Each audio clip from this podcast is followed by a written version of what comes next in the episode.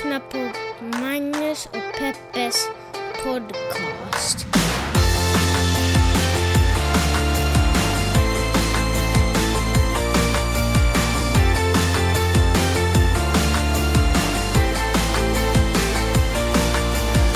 Hallå internet och hjärtligt välkomna ska ni känna er till livet! Tänk om vår podd skulle heta Livet. Ja, det är ett, eh, ett brett eh, ämne. Ja, det, det är verkligen ett brett ämne. Eh, men ni, än så länge så är ni hjärtligt välkomna till podden som heter Magnus och Peppes podcast. En liten podcast där vi pratar om stora och små händelserna i världen. Och vi gör det ur ett journalistiskt, feministiskt och mediegranskande perspektiv. Boom, Magnus. Och vilken vecka Peppe! Vilken vecka!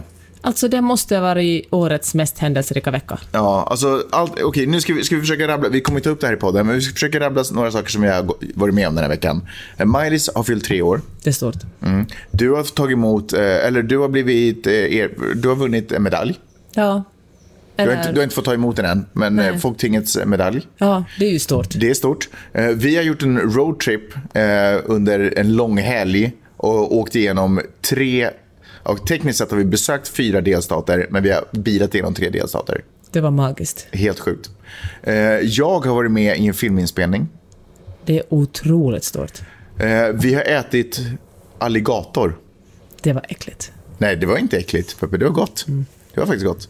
Eh, Jag har binge-watchat en... eh, Talar så mycket amerikanska. Nej, okej, det kanske inte var en stor grej. Nej, men alltså verkligen vad det har varit. Allt det här på sju små dagar. Ja, allt det här på sju små dagar. Eh, jag känner att vi har så otroligt mycket att prata om så att vi dyker bara ner i skiten. Vi gör det. Okej, då kör vi. Vet du en av de saker som jag älskar mest med vår, vårt förhållande? Det är att vi är, vi är som små barn i den bemärkelsen att vi har väldigt lite konsekvenstänk. Och, Det är en bra sak. Nej, men vet du vad jag tycker är fantastiskt med det? Ja, men därför att vi är ju också liksom ansvarsfulla människor nog ändå. Mm. Sådär. Men, men eh, Vi pensionssparar, men vi gör också galna saker. ja, exakt. Jag har ju faktiskt, apropå det, så har jag faktiskt börjat att, vad heter det, mikrospara. Så till den milda grad att jag typ aldrig har pengar på kontot numera. Så det är egentligen makrosparar du. Nej men alltså, jag mikrosparar, jag, jag har massa olika appar som drar cash från mitt konto hela tiden. Så nu Det har jag också, men det dras bara åt annat håll. så, jag, ja, men, så nu har jag liksom aldrig nog, jag har inga pengar på kontot längre. Ja, det tycker jag är lite jobbigt med dig faktiskt. Det är jobbigt, men är det en bra sak eller en dålig sak? Alltså, mitt American Express... Det här är också så här lite konsekvenstänk, att jag inte har riktigt konsekvenstänk. Jag satte upp mitt American Express-kort för att få ett parallellkort till ditt konto. Jag vet, jag bara okej, Sen hade jag det en månad, så jag insåg att det, det går ju inte att leva som du. Nej. Alltså vi måste ju ha minne... Alltså jag kan ju inte ha ett parallell... Jag kan inte bara leva med ett parallellkreditkort Nej, vi kan inte dela på ett Men kreditkort. gud, alltså du har ju inga pengar i slutet av månaden. Det är ju katastrof. Jag får panik av sånt. Ja, men jag betalar nästan för allting vi gör på, dag- Men sluta göra det då. på, på dagarna. Liksom. Det är ju dit, men jag, jag tycker om det. Jag tycker om att spendera dagar. Ja, ja, ja. Ointressant för alla andra. Eh, vi har ingen konsekvenstänk. Nej. Eh, och den här veckan så tog det sig uttryck i att vi hade, egentligen sedan ganska länge faktiskt nog på något sätt, varit i samtal med några vänner till oss som eh, den här helgen skulle befinna sig i södern och du och inom parentes då också jag, har ju haft ett stor lust att besöka Södern och bara se hur är Södern. Liksom. Eh, är det som det är på tv och är det som det är i True Detective? Eh, och vi kommer komma till att svaret är ja. Men, eh, eh, så, vi visste att de skulle befinna sig där så vi var så här, shit vilket ypperligt tillfälle att bara åka och hälsa på dem och, och få uppleva Södern. Det är också samma människor som har fått oss uppleva Hawaii och eh, jag kan tänka mig att de Nej, men de hör väl till de närmaste vänner här de hör till, absolut till våra närmaste vänner här och han jobbar som filmproducent och, och dessutom skådespelare. Så han åker runt i olika delar av världen och, och spelar in filmer. Och jag har börjat inse att det här är så vi kommer få uppleva världen. Att vi kommer typ besöka dem på alla de här platserna. Sandra åker någonstans. Vi bara, vi hänkar. Vi hakar på. Ja, så nu befann oss i södern. Vi bara, shit, vi vill vara i södern. Så var Du vet, man i Finland talar om söder menar man Kanarieöarna. Ja, nej, nej, nej. Jag menar the deep south.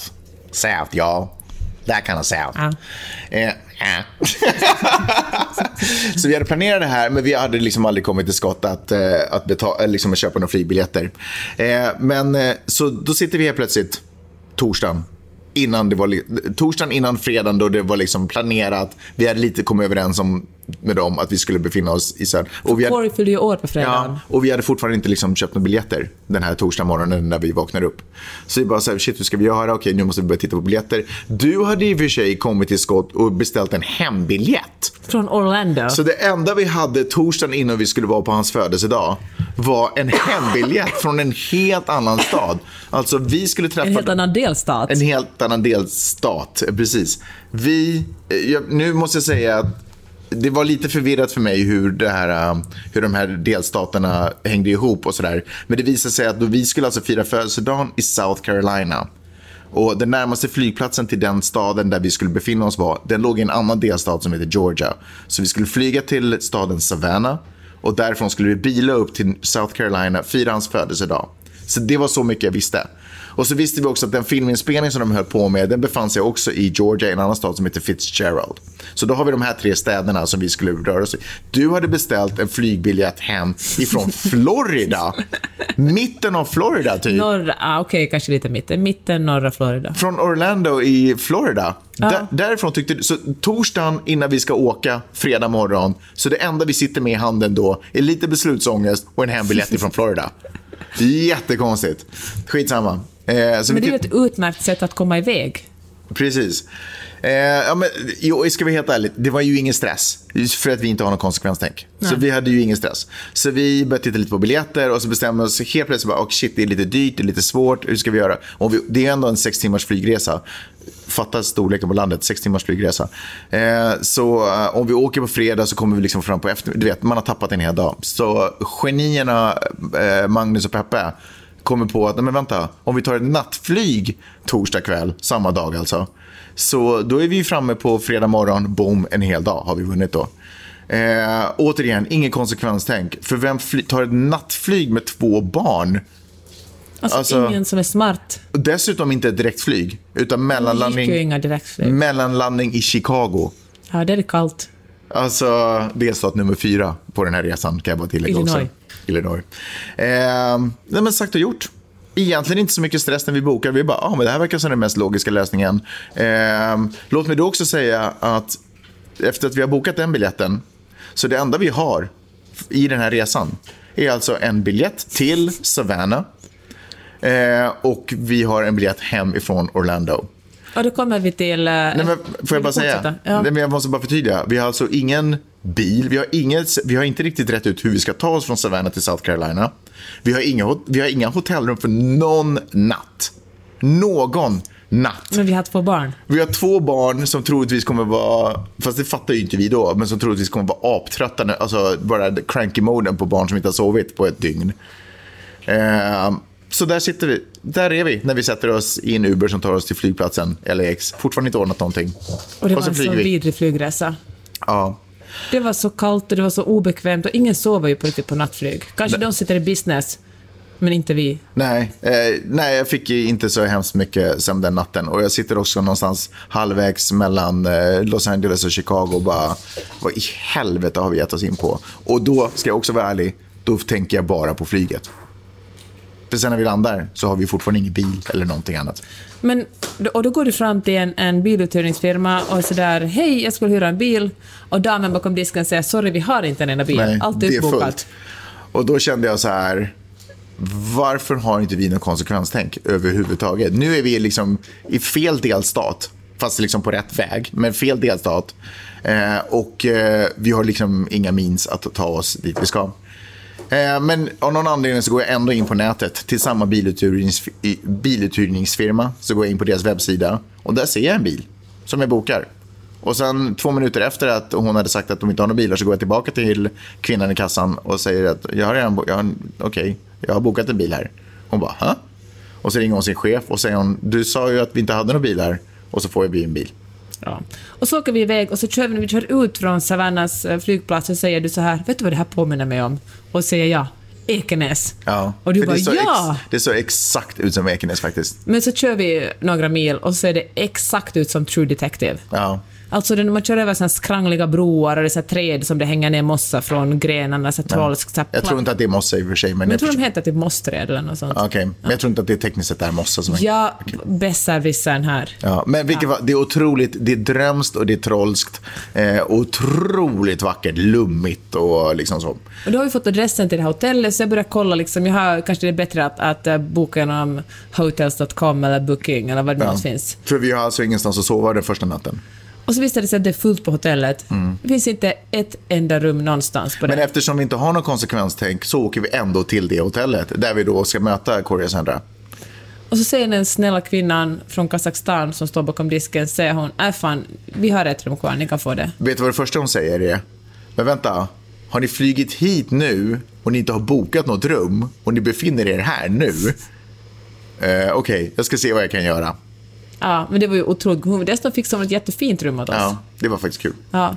Och det här stället, det är ju eh, om, om, någonstans på vägen till den här stora... För först så kommer man till en gate till det här hotellområdet och sen så åker man typ en kvart till i ett liksom fantastiskt land. Men då börjar den här lummigheten försvinna och, och liksom översättas mer till, okej så här, eh, typ 1920-talet. Det är fina gröna gräsmattor, eh, välplacerade träd, de här stora söderhusen som man liksom ser bara har ägts av slavägare. Det, är liksom, det finns ingen annan, det, det är ingen annan som har byggt de här husen. Eh, och man kommer in i det här enorma liksom, mansionet som numera är en hotellreception. Det kanske alltid har byggts som ett hotell, men det är liksom byggt i den här gamla söderstilen. Otroligt vackert förstås, men också med en lite besk liksom, eh, Ja, men det är så tydligt. smak i munnen. Alltså, alla som är gäster är vita, alla Ja. som jobbar på hotellet är svarta. Ja, Och det är verkligen... eh, Ja, men det är nästan som att ta en tidsresa genom det rasistiskaste USA. Och, och någonstans med de delarna som vi besökte, som vi såg där borta, eh, så kändes det faktiskt ganska mycket som tiden lite hade stannat. Okej, bomullsplantagen som man bilade förbi, Jag tänker att man åkte förbi bomullsfält. De var ju inte, det var inte så att det gick omkring en massa svarta där och plockade bomullsgrejer. Men viben var liksom, alltså jag kunde, inte, jag kunde liksom inte sopa bort det riktigt. Nej. Så var det en massa Trump eh, 2020-skyltar Mm. liksom med vägen. Och så lyssnade vi på lokalradio, vilket ju alltid är roligt att göra när man kommer till en ny plats. Och det var så intressant, för då spelade de upp ett, det som vilket som helst NPR-program, förutom att det här var inom citationstecken vetenskapliga bevis om att evolutionen aldrig hade skett. Mm. Och att människor och dinosaurier gick tillsammans på jorden. Och eh, så kunde man i slutet, eller så gjorde de reklam för någon slags eh, typ CD-ROM som man kunde köpa och höra om, eh, om den riktiga historien om hur Apropå livet kom tiden till. lite stannat. Ja, det var så fascinerande. Men på det stora hela, vi fick hotellrum på alla platser vi besökte. Eh, var- vart vi var. Och vi tog oss faktiskt till Florida, eh, till Orlando. Och, men det jag skulle säga var att eh, jag älskar det faktum att vi inte har någon konsekvenstänk med den brasklappen att saker och ting alltid lite löser sig för oss. Eh, också delvis för att vi lite kan betala så att det löser sig för oss ibland, sådär, om det nu finns tillgängligt. Men saker tenderar att alltid lösa sig. Så nivån av äventyr blir alltid lite mer maxad. Alltså jag har, det har varit så sjukt roligt att göra den här resan. Alltså jag, Fan, det var magiskt. Var, nu satte jag faktiskt huvudet på spiken, för det är lätt att kokettera om att man är så crazy och har ingen konsekvenstänk. Men om man alltså vet att fine, om det är fullt på det här hotellet kan vi ta in på ett annat hotell. Ja, så är det ju. Och sen så har jag ju, alltså jag vet ju också att jag är liksom, jag, det finns ju folk ovanför oss som bara älskar mig. Som bara ser till att allting alltid löser sig. Det har alltid, alltid gått bra för mig i sådana här situationer. Jag har aldrig varit orolig för att jag skulle komma till någon, till någon eh, obskyr plats och inte få tak över huvudet. Liksom. Det har aldrig varit stress för mig. Men hörde, det som är lite intressant är att uh, liksom Corey Sandra som, och Everly, som deras dotter heter, som är lika gammal som Miley's, de har ju enormt mycket mer pengar än vi. För de har liksom inga problem att betala 2000 dollar för en natt på ett hotell. Nej. Och, eh, och det blir... De är verkligen helt vanliga människor. Men det blir ändå konstigt när man reser tillsammans med någon som eh, verkligen åker business eller till och med first class och bor i jättedyra, på jättedyra ställen. Nu var det här South Carolina-hotellet faktiskt inte så dyrt. Skulle det vara i LA skulle det säkert kosta tio gånger så mycket. Ja. Men, eh, men resten av resan bodde vi ju liksom på ett motell vid motorvägen. Bredvid deras bodde Four på Seasons, Four typ. Seasons. Ja. Ja. Men det är konstigt som man alltid sneglar uppåt. Alltså för jämförelse med dem är vi fattiglappar, men i praktiken är vi ju verkligen inte. Jag menar, det skulle vara ett hån mot alla som inte har pengar att säga Fast att... jag, kan, eh, jag tycker faktiskt inte att jag, jag känner inte att jag sneglar uppåt faktiskt. Nej, du gör inte det. Nej, jag gör faktiskt inte det. Det var aldrig så här... Alltså, hade, vi, hade jag haft lite mer kredit på mitt kreditkort så hade vi också bott på Four Seasons. 100 procent. Och inte för att så där, åh, de bor där så det är awkward om inte vi bor där, utan för att det är nice att bo där. Ja, Bara men så vet du vad jag också tänkt på? När vi har rest med dem så blir det ju så att man maxar kreditkorten. För att det är kul att vara tillsammans. Ja, men, och det är kul att göra äventyr också. men då tänker jag alltid på, fy fasiken så trevligt bemötta rika människor blir. Mm. Alltså, så otroligt trevliga alla är mot folk som de tror att har mycket pengar. Ja. Ska vi eh, ta oss till den roligaste delen av den Ja. resan? Åtminstone för mig. Ja. Är du med? Ja. Filmen som eh, Corey spelade in i eh, Fitzgerald i Georgia eh, var en science fiction-film eh, starring bland annat Bruce Willis. Och eh, jag fick vara med i den filmen. alltså, fy fasiken vad coolt. Alltså, jag älskar sånt här. Fatta att jag, får, jag, fatta att jag får... Jag är med i en Bruce Willis-film, Nej, men det är faktiskt helt Är otroligt. inte det sjukt coolt? Alltså det är... Vet du vad... Men jag måste ändå säga det. Jag, jag, eh, vänta, nu är det så många saker för jag tycker det är så ballt. Eh, Men det är så många saker vill säga samtidigt nu. Men det vi första, först om att du använder ordet balt? ja, det första jag skulle säga är att eh, det var magiskt att vara på inspelningsplatsen. Det var magiskt att höra så här, nu rullar kamerorna och, och, och liksom skådespela i den filmen. Eh, det var magiskt för att jag av någon anledning inte var ett dugg nervös utan jag var bara så jävla pepp. Men hur är det möjligt, Magnus?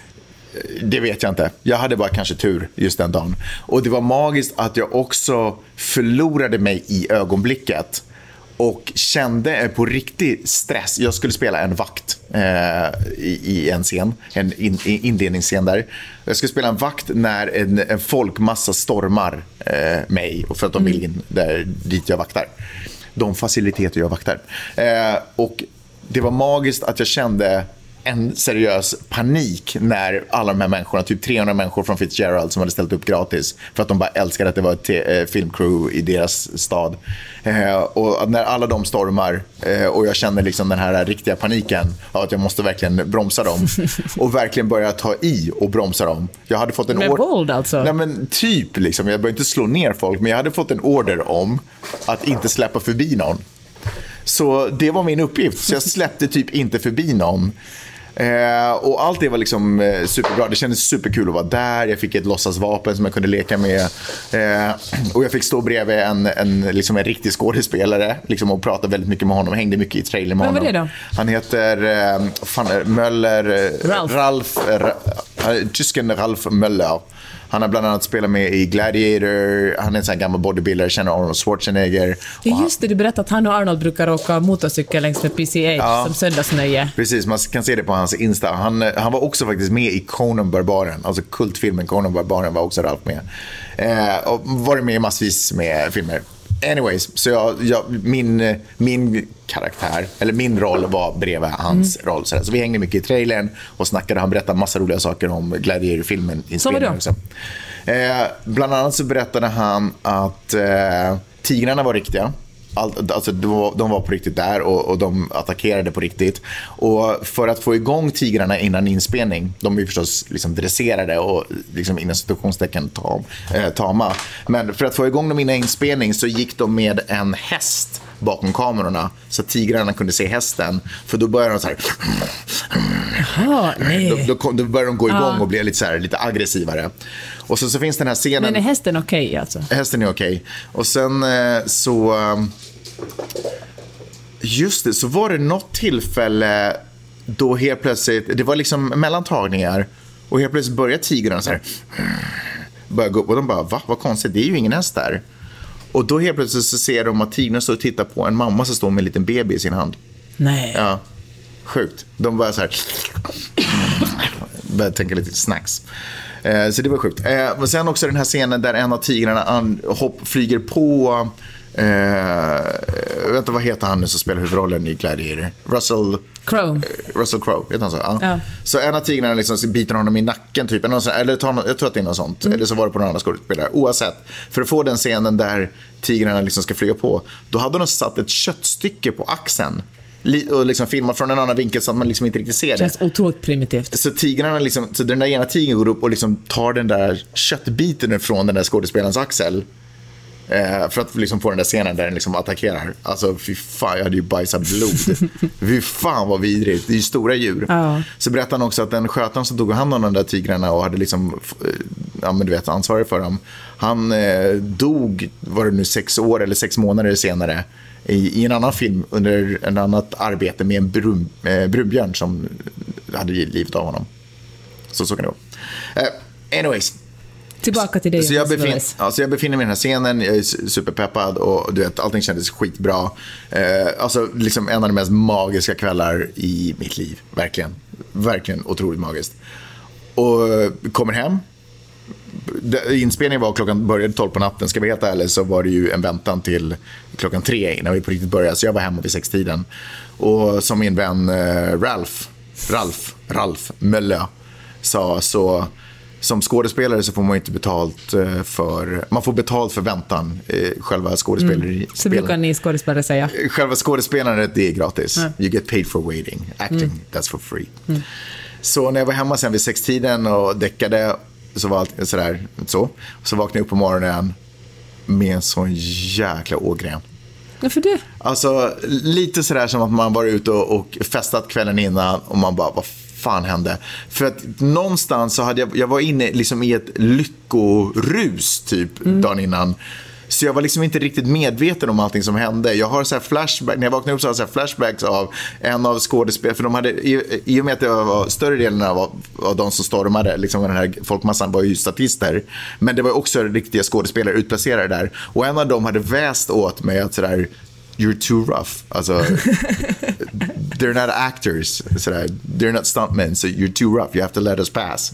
För jag hade verkligen stoppat alla. Så jag började vakna upp med massa så här ångest. Och bara, men herregud, för jag var, det är som att jag inte var närvarande i ögonblicket. Jag var för mycket i ögonblicket. Så jag vaknade upp med en sån jävla ågren. Bara, men herregud, vad har jag gjort? Och gud vad pinsamt. Alltså, tänk om jag förstört liksom, deras film. Ja, för jag kommer ihåg, du var så varför sa inte någon någonting? Liksom? Varför var det ingen som... Och sen träffade vi faktiskt manu, en, en av manusförfattarna nere i frukost, eller i lobbyn. Mm. Och så, så, så snickesnackade vi en stund med honom och efter det var du så här, men, men vad tycker du? Och han, Ja, tyckte så här- han jag var bra? Tyckte, men han sa ju ingenting konkret. Nej, alltså det, han ha- hade ju faktiskt sagt det sådär, men Mange, det är lugnt, sådär, håll, dig i, håll dig i skuggan liksom bara, gör, gör din grej här.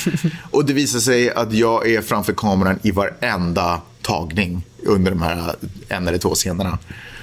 Alltså jag, på något sätt så lyckades jag hela tiden springa in framför kameran och, och göra någon, någon move. Alltså jag har sån jävla ångest. Men, Ja, det förstår jag, Magnus. men det ska bli sjukt kul eh, att se. Jag vet inte när filmen är klar eller när den kommer ut, men det var, en- det var verkligen magiskt att få vara med Men hörru, Corey berättade ju också att när du kom till filminspelningen hade ju sheriffen i, i den här lilla staden Mm. kommit fram och sagt så här.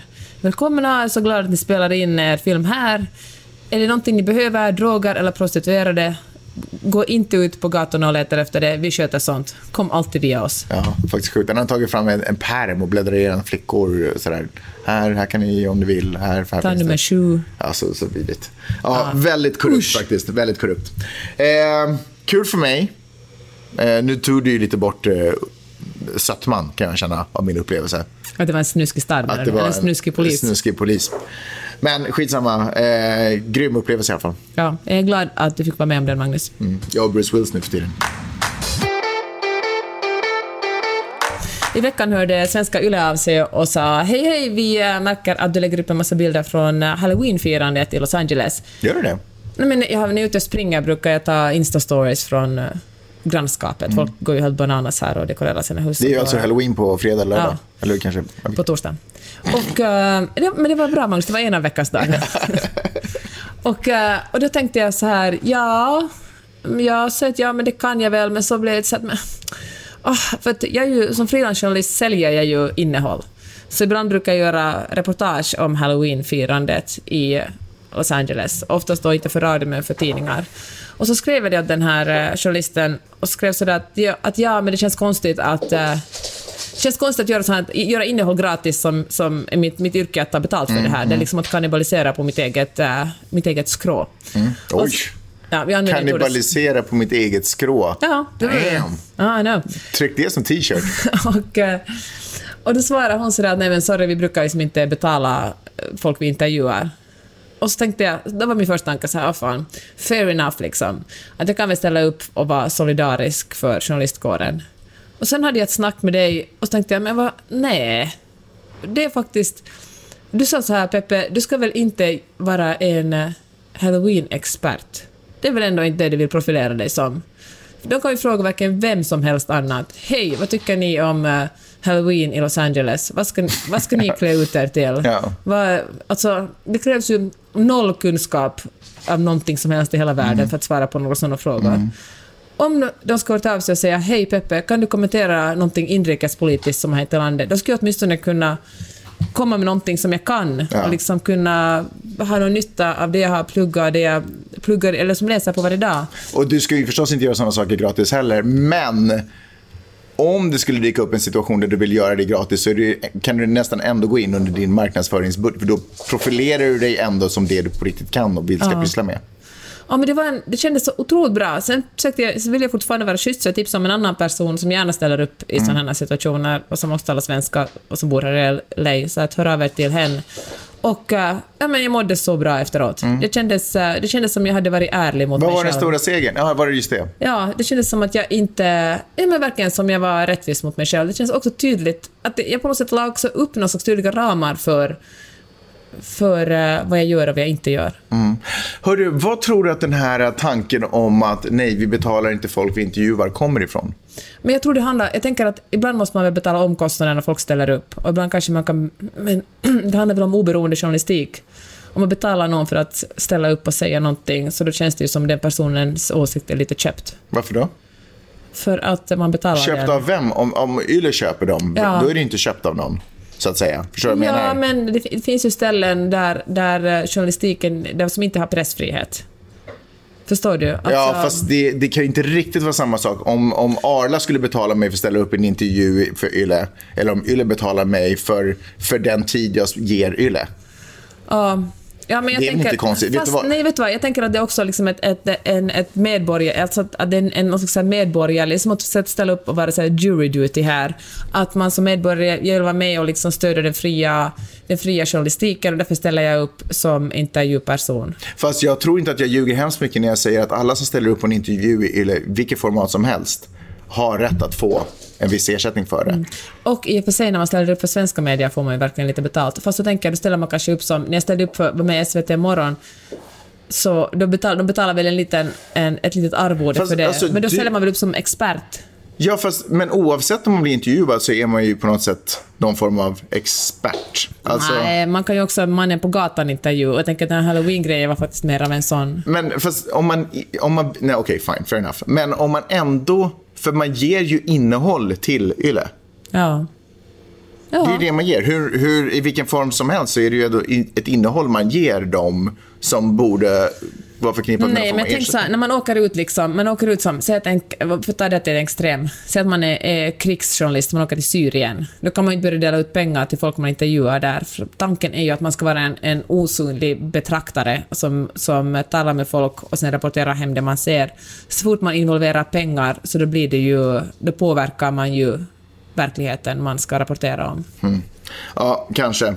Kanske, kanske inte. Jag, jag är lite, ja.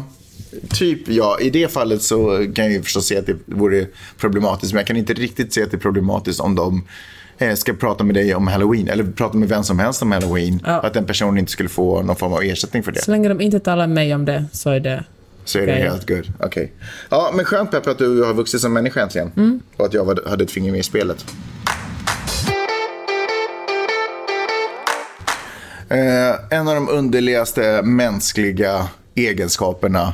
Vänta, kanske kopplat till... Kanske det är inte bara vi som inte har konsekvenstänk. Eh, jag läste, eller den här nyheten har spridits lite, jag vet inte i svenska finska medier, men åtminstone lite på amerikanska medier. Det är nämligen så att den här, heter den Red Rock i, i Australien, den här klassiska bergsknotten in the middle of nowhere som är tydligen en stunning view, men väldigt Men liten. herregud, Magnus, din svenska är inte svenska. Ja, men, men som tydligen inte är så mycket för världen när man faktiskt väl står där. Alla är så här, shit var det så där liten? Vilket är ju ett vanligt fenomen faktiskt när man väl ser saker up front. För att upprätthålla. Förutom kanske Grand Canyon. Jag funderar föreställa mig att Grand Canyon nog levererar det den lovar. Den är faktiskt, speciellt från helikopter. Jag visste att du skulle säga det. Jag har inte gått en dag i mitt liv tillsammans med dig utan att du skulle ha sagt att du har åkt helikopter över Grand Canyon. Uluru Rock heter den. Den här bergsformationen. Den har ju, folk har klättrat upp för den väldigt länge, eller hajkat upp för den. Och den har nu, alltså den, den slits av det. Så nu har man bestämt sig för att det är slut.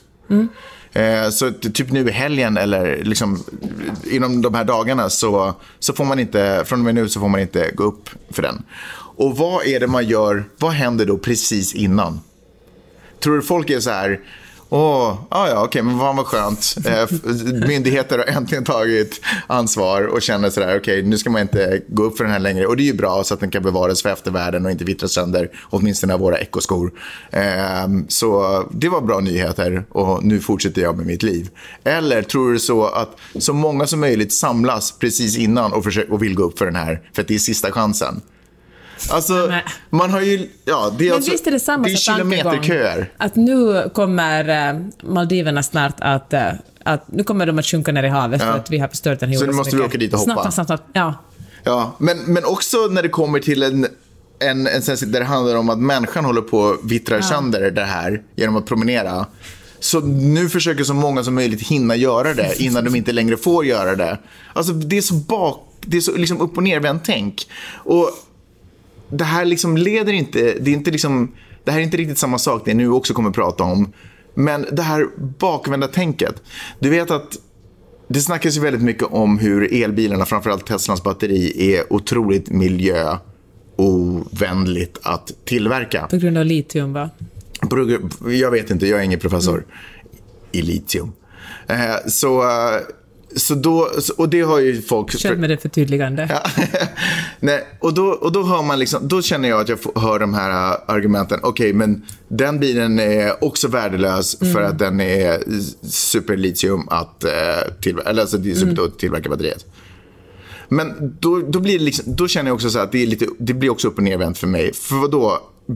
Så alternativet är bättre då? Alltså, bensindrivna bilar har ju aldrig varit bra att tillverka. Nej. Alltså, och de är ju pågående.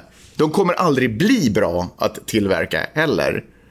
Så att, att inte argumentera för att man går igenom en miljöovänlig process som efter ett tag kommer visa sig vara lönsam. För att jag tror att det är, den, den liksom information som finns där ute är att man måste köra en bil, jag tror att det är en, ja, man måste köra en bil typ i åtta år innan den blir, liksom, innan den har tjänat En- en ihop. elbil. Ja, man måste köra elbilen i åtta år. Men det här är ju egentligen alltså jämfört då alltså med en bensindriv. Alltså så här, man kan... Eh, vänta, hur blir det här nu igen? Alltså om man kör en bil i åtta år, en bensindriven bil i åtta år. Man, nej, man kan köra en bensindriv i åtta år. Så mycket motsvarar tillverkningen av det här litiumbatteriet. Förstår du? Men det betyder ju också att efter de här åtta åren så är den ju... Då tjänar man ju på det. Förstår du vad jag menar? Då, då börjar det ju sen ticka ner. Givet att jag vet inte hur länge man har bil. Jag har liksom... Ja, jag vet inte Vi är nybörjare i bilbranschen. Vi är nybörjare i bilbranschen så jag vet inte hur länge man äger en bil. Så jag, jag, givet att åtta år låter som en väldigt lång tid. Men det känns ju ändå som att den andra, jag menar, om du inte kör din... ah, jag vet inte, det, det låter som ett upp och nervänt argument för mig. Och faktum är att jag börjar också lite researcha på det här. Ja. Och det stämmer inte, det där Jaha. åtta år. Det är rykte. Och vet du vad det ryktet kommer ifrån? Det är faktiskt en svensk studie. Och den bygger på dels om... Dels så har de tagit, det de har tagit i beaktande är en väldigt bensinsnål bil, vilket är naturligtvis det man ska ha om man ska ha en bensindriven bil. Men en väldigt bensinsnål bil och att den inte kör, används så supermycket. Då är, den, eh, då är det åtta år. Om man ska göra motsvarande i USA, som naturligtvis använder bilar på ett helt annat sätt. Givet att vi har ett mycket större och bättre ekologiskt tänk i Skandinavien och Norden. Men här i USA så är det bara fyra år som det skulle motsvara. Vilket betyder att om du har en, till exempel en Tesla, eller eftersom vi pratar om Tesla-batteriet, om du har en Tesla så är det fyra år i, med USAs mått mätt så är Det är sen, kort tid. det är ganska kort tid. Vår bil är till exempel äldre än det. Mm. Så den borde ju vara ganska clear nu jämfört. Sådär.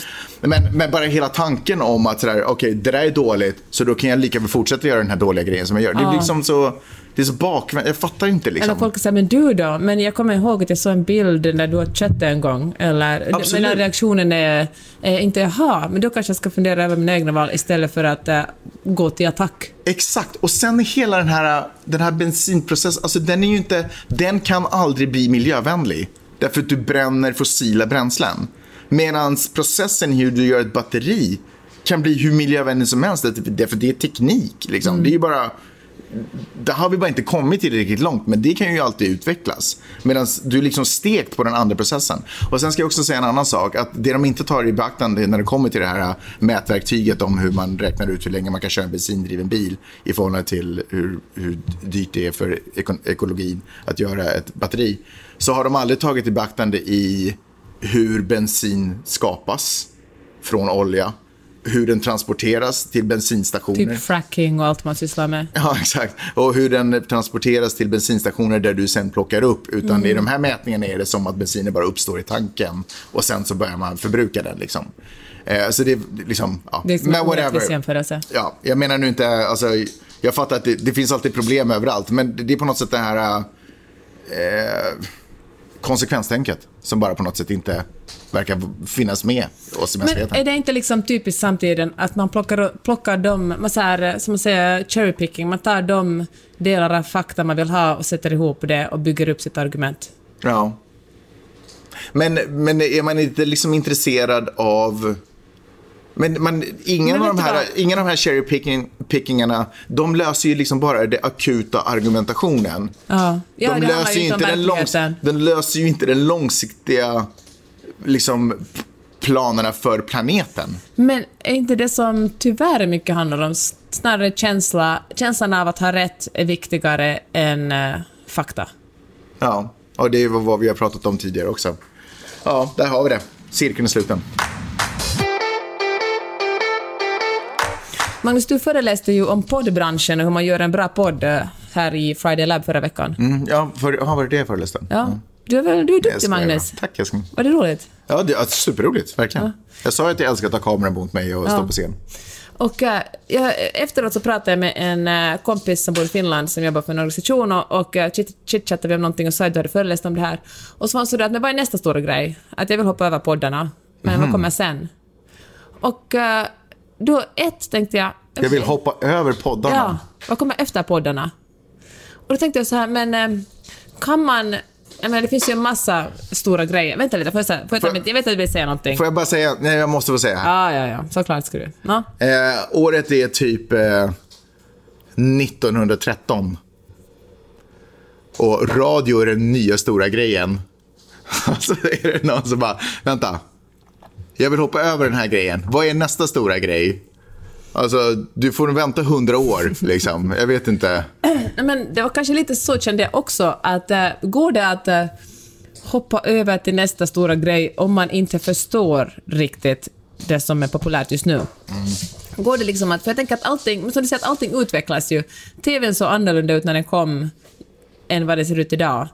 Alltså det, allting, det är ju inte så att det kommer en helt ny grej, utan det nästa nya grej kommer ju att utvecklas från streamingtjänsterna och poddarna och eh, TikTok och bli liksom en förädlad del av det.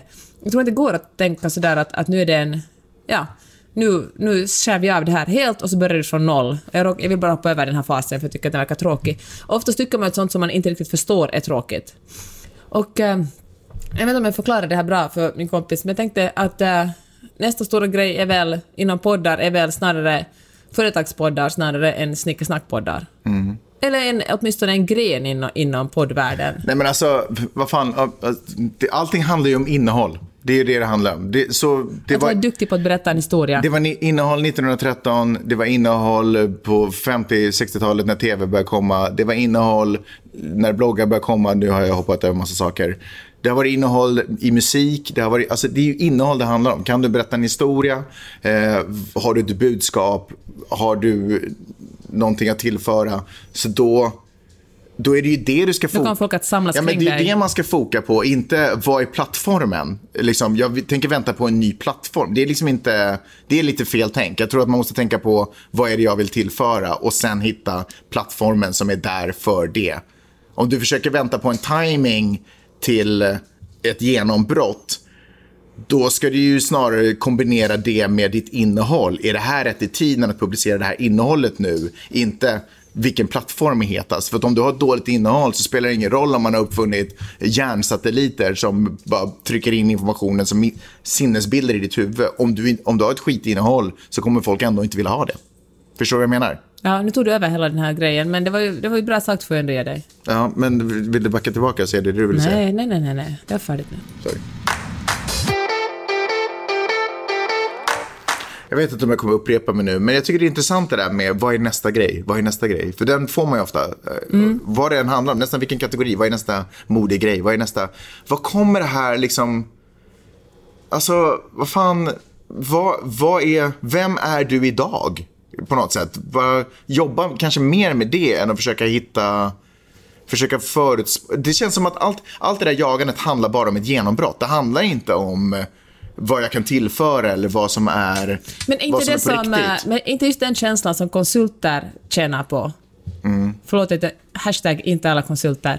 Men du vet, företag, åtminstone när jag jobbade i, i, på, ett, eh, på redaktion i Helsingfors, det var folk så otroligt stressade över, eller folk som jobbade på, alltså cheferna på, på den nyhetsredaktionen, var så otroligt stressade över vad som kommer, vad är nästa grej? Mm. Och då tog de in en massa konsulter som uppenbarligen inte visste vad nästa grej var. Mm. Men de kostade mycket, jag tror där ligger det också, de betalar för någonting, har man, man betalar mycket för någonting, då vill man tro att det som den här personen säljer åt en är bra, för Mm. att annars känner man sig lurad och ingen vill känna sig lurad, då är det lättare bara att säga att det här är smart.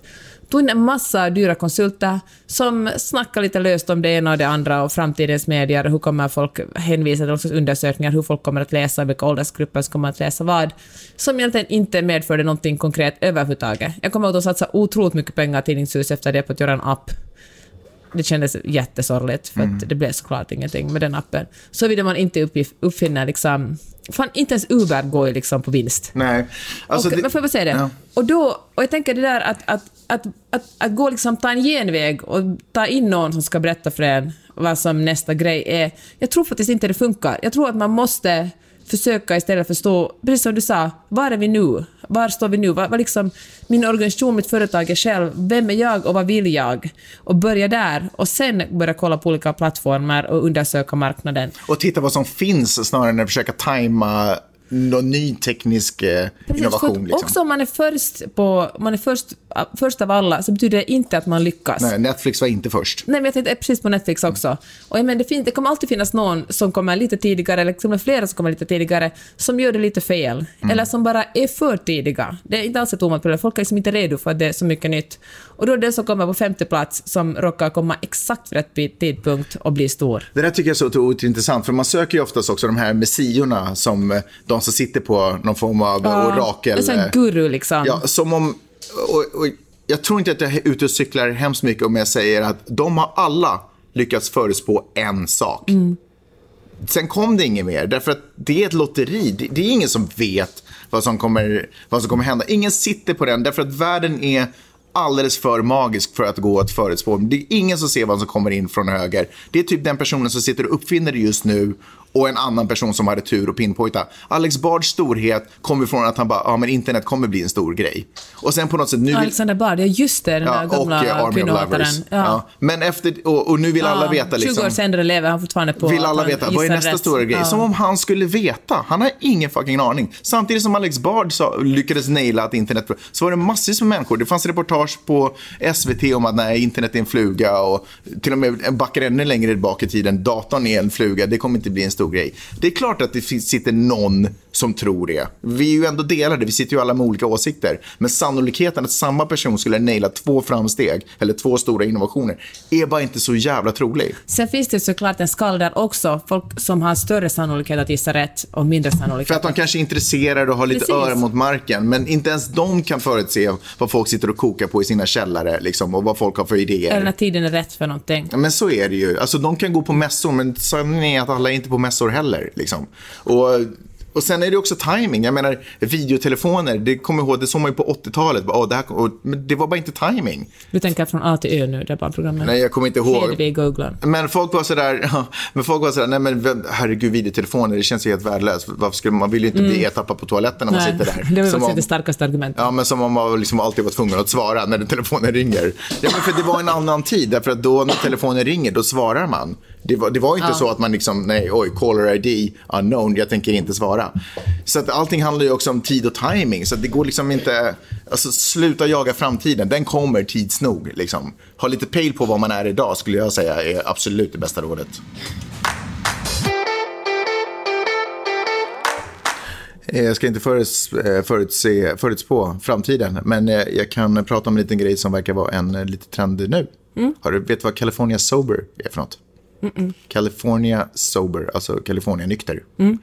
Det är egentligen eh, kvinnor oftast i 38-årsåldern, medelåldern, alltså övre medelåldern. Nej men tyst. Jag skojar bara.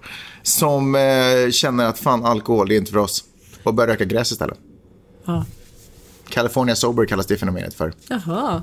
Ja, det fattar man ju. Men hörde, jag har faktiskt tänkt på det, att eh, hur många det är i ens omgivning som inte dricker alkohol. Mm. Jag tänker att det är...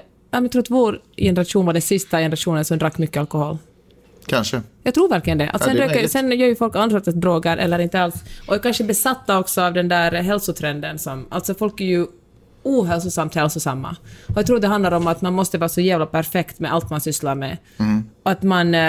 eh, Ja, men liksom allt man äter ska vara perfekt, man ska träna på ett perfekt sätt, man ska dricka och liksom, man ska dricka det perfekta, alltså dricka det perfekta, perfekta vattnet ur den perfekta glasflaskan. Mm. Och eh, jag tror det är en orsak till att, att eh, generationerna efter oss helt enkelt uh, super mindre. Jag tycker det är så intressant också, för jag är ju eh, från den gamla skolan och det var ju sån jäkla tryck på undervisningen när jag gick i skolan om att eh, hasch och marijuana leder till tyngre droger, leder till liksom, liv i misär och kronofogden. Typ. Eh, så jag har ju det så otroligt inarbetat hur, eh, jag känner i min kropp och själ hur jag inte riktigt kan jag kan inte riktigt tillåta mig själv att eh, röka gräs egentligen. Jag har testat det, men jag, liksom, jag, jag, You didn't inhale. Nej, men precis. Nej, men jag kan liksom inte riktigt... Eh, nej, jag, jag har för, du- liksom för mycket respekt. Och det är så absurt med tanke på vilken relation jag har till alkohol. Det, är så, det är så Du jäkla har ju en konstigt. väldigt bra relation till alkohol. Alltså, vi älskar varandra. Ja. Verkligen. Men hör du, vet du vad? Jag är mycket mer drogliberal än du. Jag tycker inte det är så farligt att röka på. Men nu läste jag en, em, en text i The Guardian som i i och för sig handlar mer om Europa än om USA, men jag tror inte att arbetsförhållanden är mycket bättre här heller. Den handlar, det var anknytning till de här em, de här människorna som dog i en eh, lastbil, läste du om det? Nej. 39 personer hittades döda i en lastbil utanför, någonstans i, i Storbritannien. Och, eh, och de hade kommit till eh, Europa för att, illegalt in i Europa för att jobba i nagelsalonger. Och det Ja. visade sig att det är inte alls ovanligt att det kommer liksom väldigt unga människor från, från Vietnam till exempel och jobbar, för, jobbar liksom på cannabisodlingar. Och liksom är mer, alltså det är mer eller mindre slavdriveri. Shit. Och eh, det skulle inte förvåna mig om exakt samma sak händer här i, eh, i Kalifornien heller. Att de människor som jobbar på fälten är inte de människor som har de bästa arbetsförhållandena. Ja, Men så är det ju förstås. Hela den här... eh, Jag fattar att det också gäller jordgubbar och säkert avokado, men fan, fan, då kan man väl ändå... Ja, det är svårt. Jag tycker det är väldigt svårt att leva ett liv för där man inte på något sätt indirekt understöder liksom vad heter det, alltså utnyttjande av andra människor. Ja, men det är ju för att- Klädindustrin. Absolut, men en det beror ju på att folk är så korrupta. Det är ju det, är därför det är. För de som dra, startar igång de här företagen har så jäkla svårt... Har så, ja, korrupta och giriga har så jäkla svårt att bara hålla det schysst och cleant för att maximera vinst och sådana saker. Så vi är liksom, om inte vi börjar göra saker, om inte, vi börjar, om inte vi börjar odla vår egen skit, vad det än är, tomater eller något, morötter, så, så är vi liksom i händer på folk som utnyttjar andra människor. Men också Amazon, alltså folk dör ju på golven i Amazon efter, folk får inte gå på toaletten, folk liksom får missfall. Alltså nu har Amazon börjat med, nej men, Nu kanske Nej. du drog i den stora trumman. va? New York Times hade ett reportage om det. Om att The folk dör. Du får Ja. det låta som en, liksom, en vidrig flyktingförläggning. Ja, men det, men det är ju, Amazon har ju, alltså Amazon använder ju inte sina egna lager, utan de använder lager som liksom underleverantörer. Mm. Och där är det vidriga arbetsförhållanden. Plus, nu var det någon som hade kört på en, en person, nu har ju Amazon börjat med endagsleverans, vilket gör att de som kör ut varorna har jättebråttom, vilket gör att en av de här personerna har kört på en, en annan människa som hade dött. Och då är det såklart att inte Amazon ansvar för någonting, för det är precis som Uber och Lyft och alla de här andra, så är man bara sin egen chef, och då blir det snack om vem ska, vem är egentligen skyldig i det här fallet. Alltså det är en otroligt girig och snuskig värld vi lever i, jag vet faktiskt inte riktigt hur man ska eller det är svårt att som konsument orientera, eller kanske det inte är så svårt, kanske vi bara är lata och vi är också snåla och vill betala så lite som möjligt, så vi Nej, tackar för- ja när det erbjuds någonting. Fast så. det är svårt, därför att spelregler, alltså det handlar ju om att förändra lagar och, sätta press så att man har politiker som man litar på, som inte är korrup- korrumperade heller och som kan sätta press. För det är ju på något sätt det enda systemet vi har för att skydda hur vårt samhälle och struktur. Men som det är nu så är liksom de eh, kapitalistiska och de ekonomiska spelreglerna bjuder ju in till korruption. Alltså de uppmuntrar nästan girighet och korruption. Liksom de ger eh, skattelättnader till höger och vänster och, och vad fan de nu gör. Alltså hela spelet är ju liksom upplagt på det här sättet och enda sättet att komma åt det är ju att stifta lagar som inte tillåter den här typen av beteende. Liksom. Och, men då måste vi också ha politiker vi litar på och då måste vi också delta i det politiska och demokratiska systemet Ja. och ha ett intresse för det också. Men det är svårt när de ena Mm. Det är handen är mycket svårare i sådär... USA faktiskt än i Norden till exempel. Det är det säkert, för jag skulle inte säga att vi trippar omkring på moln där borta heller. Nej, men jag tänker att till exempel har man lagstiftat kring Uber där. Ja, och det är ju precis. Och, I och det är också verkar det vara så, liksom, inte vara så kul att köra taxi heller. Jag menar, det är väl inget drömjobb att det är så mycket bättre än Uber. Nej, ja, men oavsett, det är ju liksom det enda sättet. Man, kan- man kan åtminstone inte vara så här, jag röstar inte och sen också bli upprörd över eh, att sådana här saker och ting händer. Men ska jag vara helt ärlig, det är ju inte lätt att ändra de här grejerna. Alltså det enda man kan göra är att okej, jag vill inte vara en del av det här spelet så jag undviker att införskaffa liksom mina produkter från Amazon eller sådana saker. Men alltså, peka ut en affär som inte någonstans i sina led har de här problemen med hur de betalar folk eller var produkter kommer ifrån. Och det kan också vara på så här, du vet fucking avokado fick jag nu lära mig genom att kolla på en dokumentär. Att ja, men okej, fine. Det går att typ köpa lokala avokador här, här och det kan väl typ vara bra. Men de flesta avokadorna som ändå finns i affären eh, kommer från Chile och då visar det sig att ja, men då finns det byar där som inte har något vatten för att eh, avokadoplantagen liksom stjäl allt vatten. Alltså du är liksom screwed hur du än gör. Och, du, och ibland är det till och med så att företagen inte ens själva vet om vad som pågår i de lägre leden därför att de lägre leden vill ha jobben så de säger inte ens vad som pågår. Alltså det är liksom, vi är bara fucked. Liksom. Antingen så behöver vi odla all skit själva eller så, så är vi här. Nej, vi får fan... eh, Man måste ändå göra sitt bästa. Man får inte bli sådär att ah, vi är fucked. Alltså man måste ju ändå... I sina dagliga små val måste man ju anstränga sig för att göra rätt. Ja, du har säkert rätt. Nu till Donald Trump. Är du med? Veckans Trump kommer att handla om någonting eh, sinnessjukt. Det är nämligen så att eh, amerikanska special forces typ eller något sånt här har, har eh, inte tillfångatagit men eh, och egentligen faktiskt visar sig inte heller dödat. Eh, men Jagat ner i en tunnel. jagat ner i en tunnel en av vad Donald Trump beskriver som eh, the number one terrorist in the world. Han är högt uppsatt inom IS-nätverket. Men det jag skulle vilja uppmärksamma är hur ordvalen som Donald Trump väljer när han eh, berättar om den här nyheten inför eh, pressen. Last night, the United States brought the world's number one terrorist leader to justice. Abu Bakr al Baghdadi is dead. Capturing or killing Baghdadi has been the top national security priority of my administration. U.S. Special Operations Forces executed a dangerous and daring nighttime raid in northwestern Syria and accomplished their mission in grand style. He died after running into a dead end tunnel, whimpering and crying and screaming all the way. The compound had Vad är, alltså, vad är det för vidrigt sätt att beskriva en så allvarlig händelse på? Whimpering and crying. Alltså sådär nedvärderande. Ja. Alltså, jag försöker bara erinra mig, vilka människor pratar på det sättet? Alltså det... Vilka människor pratar så? Det, det, så där pratar typ... Eh, eh, WWF så här pro wrestling, eh, så du vet den här skådespel... De Aha, som jag håller du menar där uh, djurskyddsföreningen. Ja, det är också WWF. Nej, men du vet de här, de som håller på med den här pro wrestling, d- där de skriker åt varandra.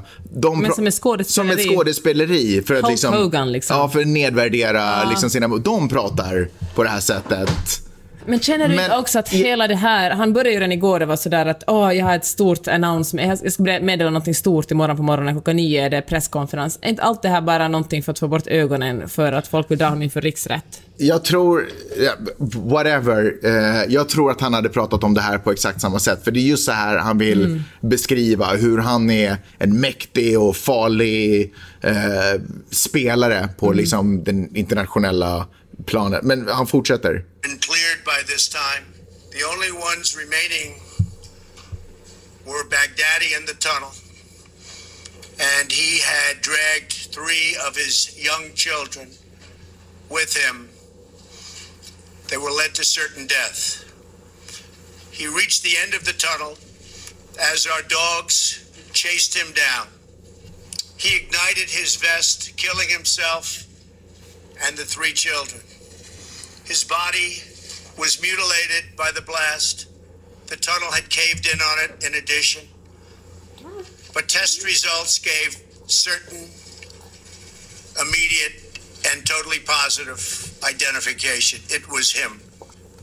Baghdadi's demise demonstrates America's relentless pursuit of terrorist leaders and our commitment to the enduring and total defeat of ISIS and other terrorist organizations. Our reach is very long. He will never again harm another innocent man, woman, or child. He died like a dog. He died like a coward. The world is now a much safer place. He died like a dog. He died like a coward. Sånt gör det, alltså, det är exakt sånt där som kommer börja pyr, som liksom gör att elden pågår, eller sådär, glöden pågår där borta. Ja. Alltså, så otroligt vidrigt. Alltså jag säger inte att den här människan inte borde ha tillfångatagits eller borde ha eh, dömts inför eller rätta. ställts inför rätta och möjligen också dömts. Jag, jag, jag inte nö- Tänkte jag, säga möjligen dömts till döden? Ja, jag är, inte, jag är inte domare och jag är inte på den nivån. Eh, och känslomässigt kan jag tycka vad jag vill. Men eh, på det här sättet, så det här, alltså, saker måste göras med någon form av värdighet. Man måste vara the, the bigger person. För jag tycker det är spännande, för han, alldeles uppenbarligen läste han från en prompter. Ja. Så att han, har- han Det är skriver... ett skrivet tal. Ja. absolut. ja. Men varför använder... Jag tänker att det är ju inte ens... eh, Men alltså, så här tycker jag att Isis pratar. ja. Så här tycker jag att de pratar. Här, så här tycker jag att Kim Jong-Un pratar.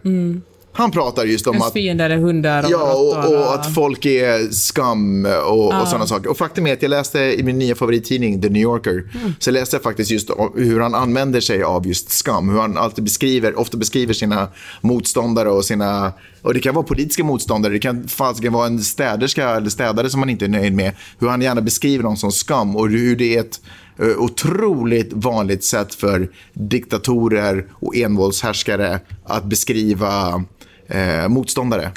Just Men- att beskriva dem som scum of the earth. Kim Jong-Un är en av dem som gör det.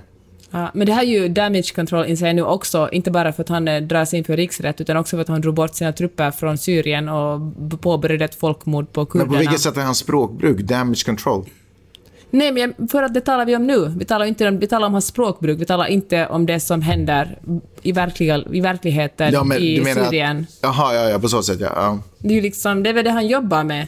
Alltså jag säger inte att han är ett geni, han talar ju sådär för att han är, är liksom, har ett lågt IQ. Men det handlar ju om att äh, få folk att titta åt ett annat håll, få bort diskussionen från ett ställe för det till ett Ja, ja, annat. du menar att det faktum att de har gjort den här operationen. Fast det måste man väl ändå, alltså sådana här saker kan ju hända. Jag menar, han är ju förstås under impeachment, men det är inte så att han kan släppa allting och bara fokusera på det. Omvärlden pågår ju. Han har ju fortfarande utrikesuppdrag. Mm. Ja, men jag liksom. tänker på att de drog bort, kurder, sina, inte kurder, drog bort sina trupper från Ja. Syrien för att utsätta kurderna liksom för det som... Nu, nu har ju liksom Turkiet fritt fram och Nej, liksom, fast de har ju inte, de har ju dragit tillbaka, Turkiet har ju dragit tillbaka sina trupper därifrån också. Jaha. Just i och med att USA införde massa sanktioner. Så då har Turkiet bestämt sig för att vi ska inte vara där och bråka mer. Ja, nu måste säga att jag är inte tillräckligt påläst för att tala om det här. Per usual. Eh, hörni, nu börjar tiden lida mot sitt slut. Men jag tänkte att vi ändå skulle avslita... Avs, avslita? Det känns ju jävligt burdust. Eh, avsluta med eh, ett litet roligare klipp från veckan som har gått när det kommer till just saker som Donald Trump eh, säger. Yesterday, the president gave a speech at an energy convention in Pennsylvania and focused on the technology of the future wall. We're building a wall on the border of New Mexico, and we're building a wall in Colorado. That's right. We're building a border wall in Colorado. Once they're done with that, they're building a naval base in Idaho. I can't get over the fact that Trump doesn't know where Colorado is. Because they just not share a border with Mexico.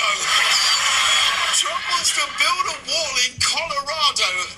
Even worse, he's going to make New Mexico pay for it. I gotta say, here's what I'll say. It is about time.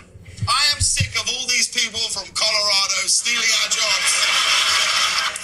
But Trump addressed his comments in a tweet and said, kiddingly, we're building a wall in Colorado, then stated we're not building a wall in Kansas, but they get the benefit of the wall we're building on the border, referred to people in the very packed auditorium from Colorado and Kansas getting the benefit of the border wall. Well, that clears it up. Uh, there you go. Forget immigrants. I think we need to deport Trump's English teacher. Uh, Tack så mycket. Cheers, Mogo. Det var allt vi hade bjudit på den här veckan. Vi hörs snart igen. Hörni, tack alla ni som fortfarande betalar för den här podden. 2,80 kostar det i månaden. Och hur gör man det Magnus nu för tiden? Eh, jag har faktiskt ingen aning, men jag tänker att man går in på din blogg. Eh, vad finns den? Det finns på The Way We Play, Jeanette Uchman. Ja, och sen så har man där i högerbalken en, kanske en knapp. Alternativt, eller? Ja. Nej, man måste scrolla ner lite. Ja, men jag lägger upp ett inlägg, så det är bara att trycka på knappen och sen tänker man åh, vi vill stödja en eh, podd som talar om journalistik och feminism och så trycker man på den och så prenumererar man för 2,80 varje månad. Bra, då är det klart. Tack så mycket. Hej då.